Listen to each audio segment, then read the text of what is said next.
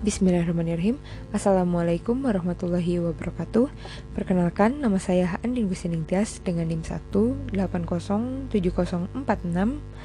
dari kelompok 1. Di sini saya akan mengutarakan tanggapan saya mengenai materi yang telah disampaikan oleh kelompok 8 yaitu Opinion Leadership and Diffusion Network.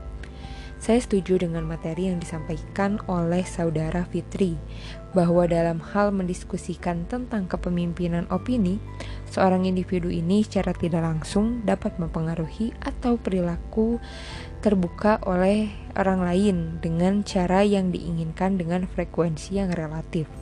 Pemimpin individu ini merupakan seorang individu yang memimpin dan mempengaruhi pendapat orang lain tentang inovasi. Ada beberapa model aliran komunikasi massal yang meliputi hypodermic needy model dan the two-step flow model atau model dua langkah.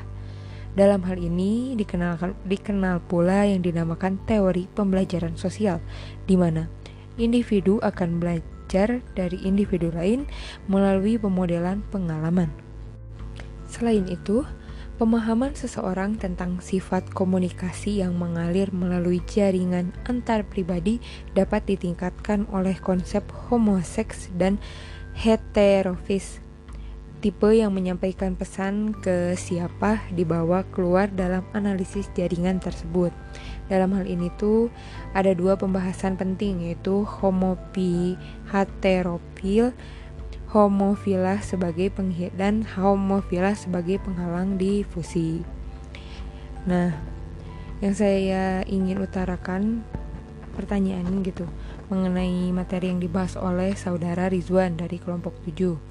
Dalam tipe kepemimpinan seperti apa sih gitu yang bisa diterapkan mon mengenai monor monorfik dan polimorfik itu dapat digunakan oleh seorang pemimpin.